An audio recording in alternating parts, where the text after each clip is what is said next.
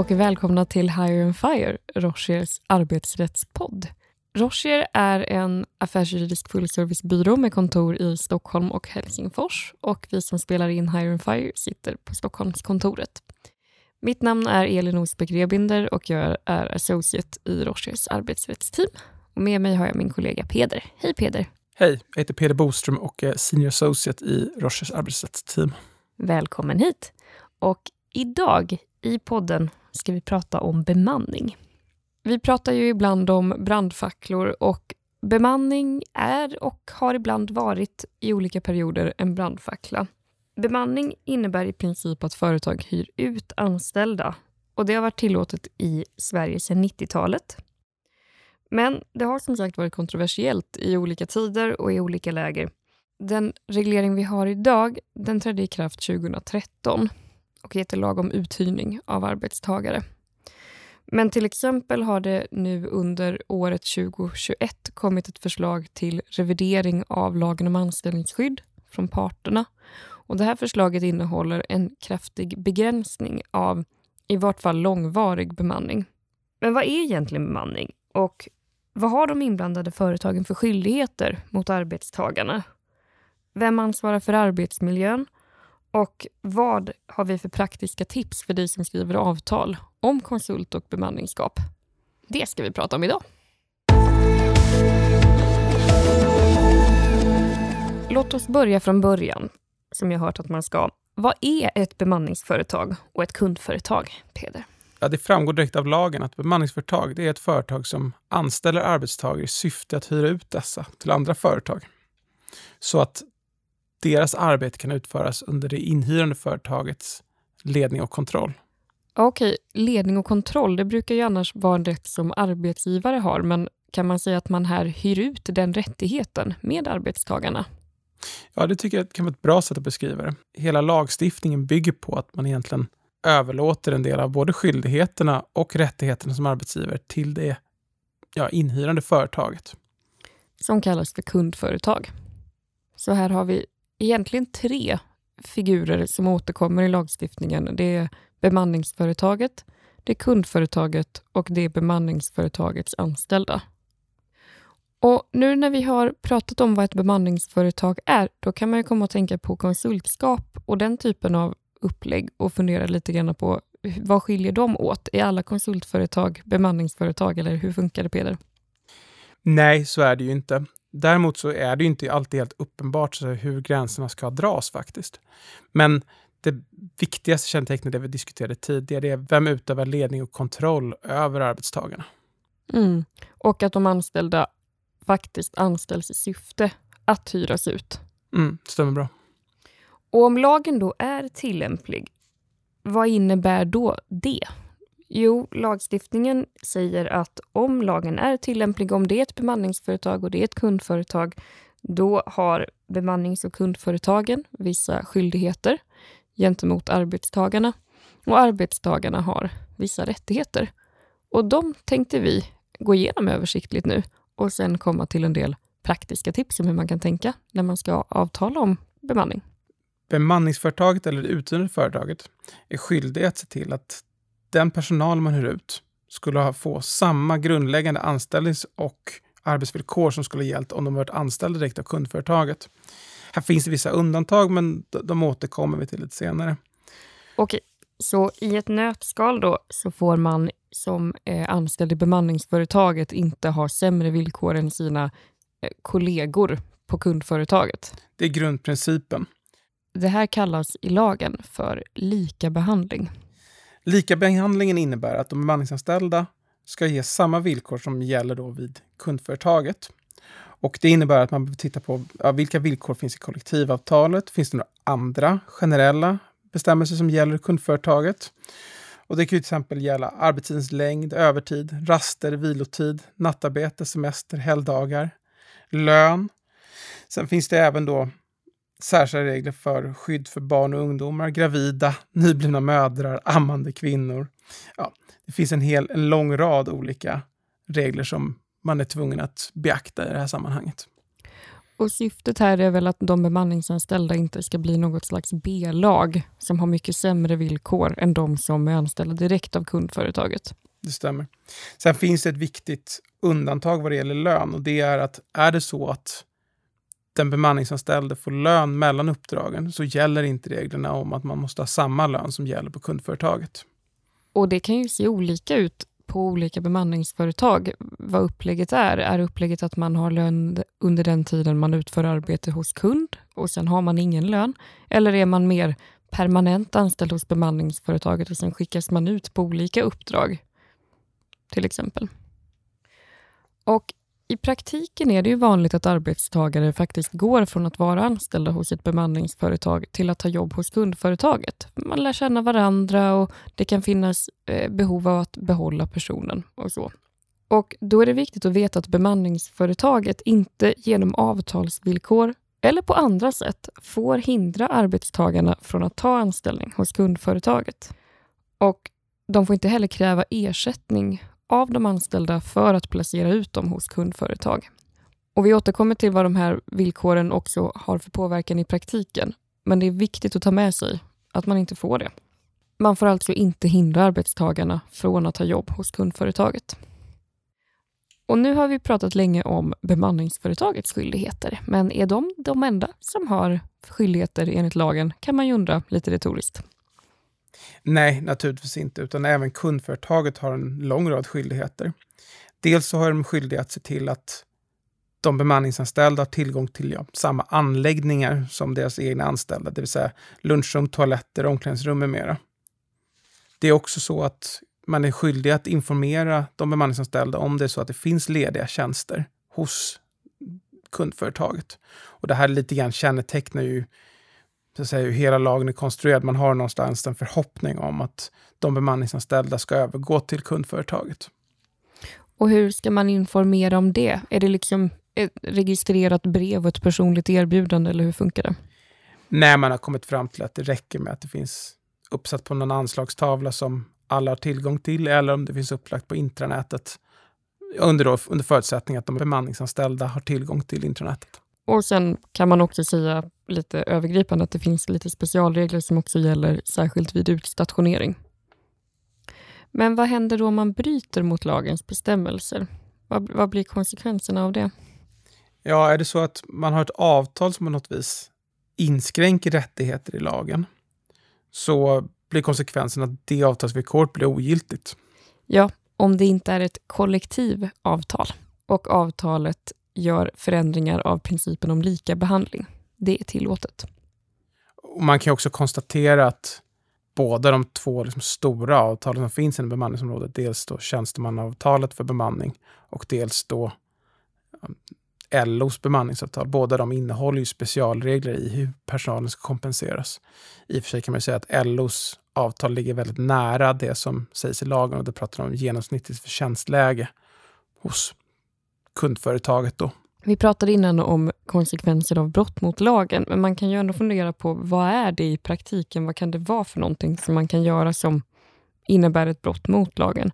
Och då tänker vi spontant till exempel på att arbetstagaren har fått för låg lön eller till exempel att man har fått betala en avgift för att få gå över till kundföretaget. Det kan vara sådana brott som man behöver betala skadestånd till arbetstagaren för. Men vi är ju praktiker. Vi jobbar med arbetsrätt i praktiken och vi har tänkt på några saker om bemanning och avtal om bemanning som vi vill plocka upp och diskutera som det kan vara viktigt att ha med sig som företag. Antingen som uthyrare eller inköpare eller vad det nu må vara. Och Det första är då ganska grundläggande, men det är lagens tillämplighet. Om man startar en uthyrnings eller konsultverksamhet behöver man tänka igenom om lagen blir tillämplig på just det man själv gör. Just med tanke på alla de konsekvenser av lagen som vi diskuterat så behöver man då ta hänsyn till om, man, om lagen blir tillämplig eller inte. Det kan vara ganska vanligt att man resonerar som så som företag att nej men det här är inte bemanning, vi vill ju bara köpa in tjänster i den här avgränsade delen. Men det kan ändå vara bemanning om förutsättningarna är uppfyllda. Ett särskilt problem är att man som bemanningsföretag har skyldighet mot arbetstagarna som ska vara utplacerade hos kundföretaget, att de då ska få minst de här grundläggande anställnings och lönevillkoren som vi pratade om tidigare. Och De kan ibland framgå av kollektivavtal. Och Här tycker vi att det är viktigt att i så fall få in i avtalet om bemanning att man har rätt att få ut den information som man behöver. För det är information som annars faktiskt kan vara företagshemligheter. Anställdas lön är ju inte och ska inte kanske vara allmänt tillgängliga. Och kollektivavtal är inte nödvändigtvis heller allmänt tillgängliga. Så det kan vara viktigt att komma överens om att man faktiskt har rätt att få ut den informationen. Vi har redan nämnt att någonstans syftet med lagen är ändå att anställda i bemanningsföretag, i alla fall på sikt, ska gå övergå till att bli anställda hos kundföretaget. Och av den anledningen så har man uppställt krav i lagen på att det inte får finnas några begränsningar att gå från bemanningsföretaget till kundföretaget. Och det är ju naturligtvis också så att det är ofta ett bra sätt egentligen för kundföretaget att bedöma om en person är lämplig för den tjänst som man har och det är ett bra sätt att testa den anställde. Men det låter ju också som att det här kan missbrukas av kundföretag. Att man tänker, schysst, då tar ni alla rekryteringskostnader och sådär och sen så bara norpar vi över de här bemanningsanställda till oss. Ja, alltså det är ju egentligen så lagen ser ut, så det finns ju absolut den risken. Vi har väl kommit fram till att man eventuellt kan tänka sig att man i vart fall får ta ut någon mindre avgift, motsvarande kanske rekryteringskostnaden, för att täcka upp sina kostnader i det läget i vart fall. Men det är absolut en risk som finns när man som bemanningsföretag hyr ut anställda till kundföretag. Och vi vill också vara tydliga med att det här förbudet mot att förhindra bemanningsanställda att gå över till kundföretag genom avtalsvillkor eller på andra sätt. Det omfattar ju också det kommersiella avtalet mellan bemanningsföretaget och kundföretaget. Det gäller inte bara i anställningsavtalet med den bemanningsanställda. Så att även det här kommersiella avtalet mellan parterna får inte heller innehålla den här typen av liksom, höga viten som förbjuder övergång eller så. Men som Peder sa har vi resonerat ändå att det finns möjlighet kanske att ta ut en mindre avgift som täcker rekryteringskostnaden vid övergång. Någonting som vi nämnde inledningsvis var att man i bemanningssituationer egentligen delar upp vissa rättigheter som en arbetsgivare har mellan bemannings och kundföretaget. Och Det finns även vissa ansvar här som man delar upp och det är arbetsmiljön. Vem är egentligen ansvarig för arbetstagares arbetsmiljö när man är uthyrd till ett kundföretag? Det är delat ansvar. Man kan väl lite förenklat säga att det uthyrande företaget är ansvarigt för ja, den långsiktiga arbetsmiljön och det inhyrande företaget, kundföretaget, är ansvariga för arbetsmiljön på kort sikt och se till att arbetsplatsen ser ut på ett vettigt sätt. Och för att ta några konkreta exempel då kan man säga att Eh, kundföretaget är ansvarigt för skrivbordet och stolen och ergonomin där medan eh, bemanningsföretaget kanske är ansvarig för eventuell rehabilitering som behöver ske över en lång tid och på lång sikt.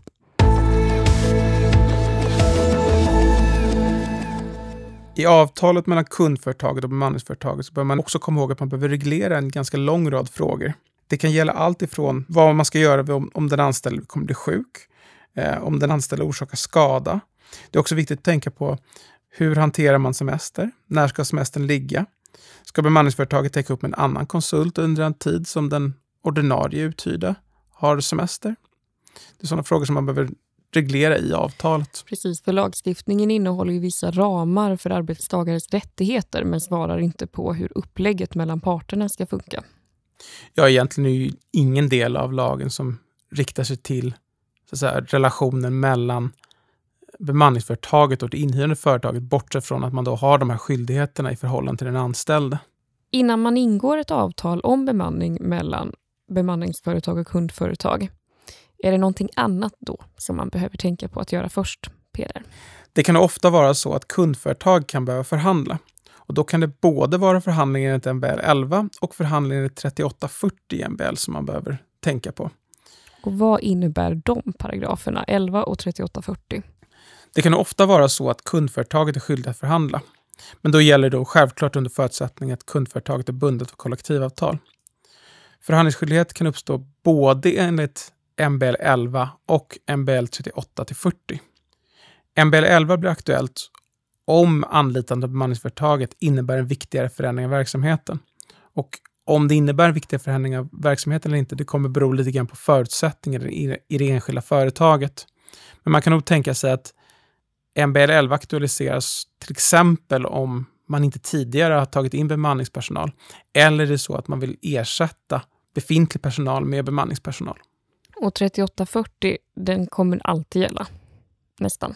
Och förhandlingen enligt 3840 innebär att en arbetsgivare innan man tar in någon att utföra arbete i verksamheten utan att den personen kommer vara anställd i bolaget är skyldig att förhandla enligt 3840 med det fackförbund som man har kollektivavtal för fråganvarande arbete.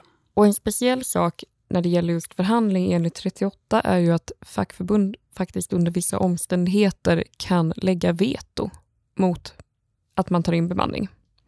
Avslutningsvis kan det vara värt att tänka på om man har möjlighet att ta in bemanningsföretag i det läge som man befinner sig i. Arbetsdomstolen har vid ett flertal tillfällen prövat frågan om man har rätt att ta in bemanningspersonal för att ersätta befintlig personal och har än så länge aldrig kommit fram till alltså att det arbetsgivaren har gjort har varit otillåtet. Men man har vid ett flertal tillfällen ändå klarlagt att det finns någon typ av gräns för vad man kan göra i ett läge där man då byter ut befintlig personal mot bemanningspersonal.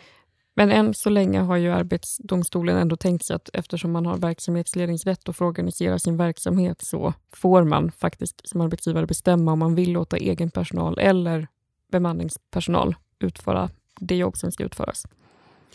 Det här har dock inte hindrat att man i ett flertal kollektivavtal infört olika typer av begränsningar i hur man får ta in bemanningspersonal när man tidigare sagt upp personal på grund av arbetsbrist. Och för att sammanfatta då våra tips och tankar på vad man bör tänka på när man tar in bemanning i praktiken eller när man utför bemanning så tycker vi att man först ska överväga om lagen kan vara tillämplig. Om den är det så bör man fundera på om man har förhandlingsskyldighet mot någon för den åtgärd som man tänkte vidta. Man behöver tänka noga på vad avtalet ska innehålla. Det här avtalet behöver dels innehålla bestämmelser som gör att man får ut den information som man behöver för att kunna fullgöra sina skyldigheter enligt lagen. Men man behöver också avtala om alla de kommersiella aspekter för hur det här bemanningsupplägget ska fungera i praktiken som lagen inte svarar på. Och man behöver också tänka igenom arbetsmiljön och hur man ska lägga upp det ansvaret i praktiken eftersom ansvaret är delat mellan parterna och man behöver fundera över vem som ska bära vilka kostnader. Och med de orden knyter vi ihop säcken för den här gången. Men hör gärna av er om ni har frågor eller önskemål om poddämnen. Våra uppgifter till mig, Elin Osby Rebinder och till Peder Boström finns på hemsidan. Och vi ses snart igen. Hej då! Hej då!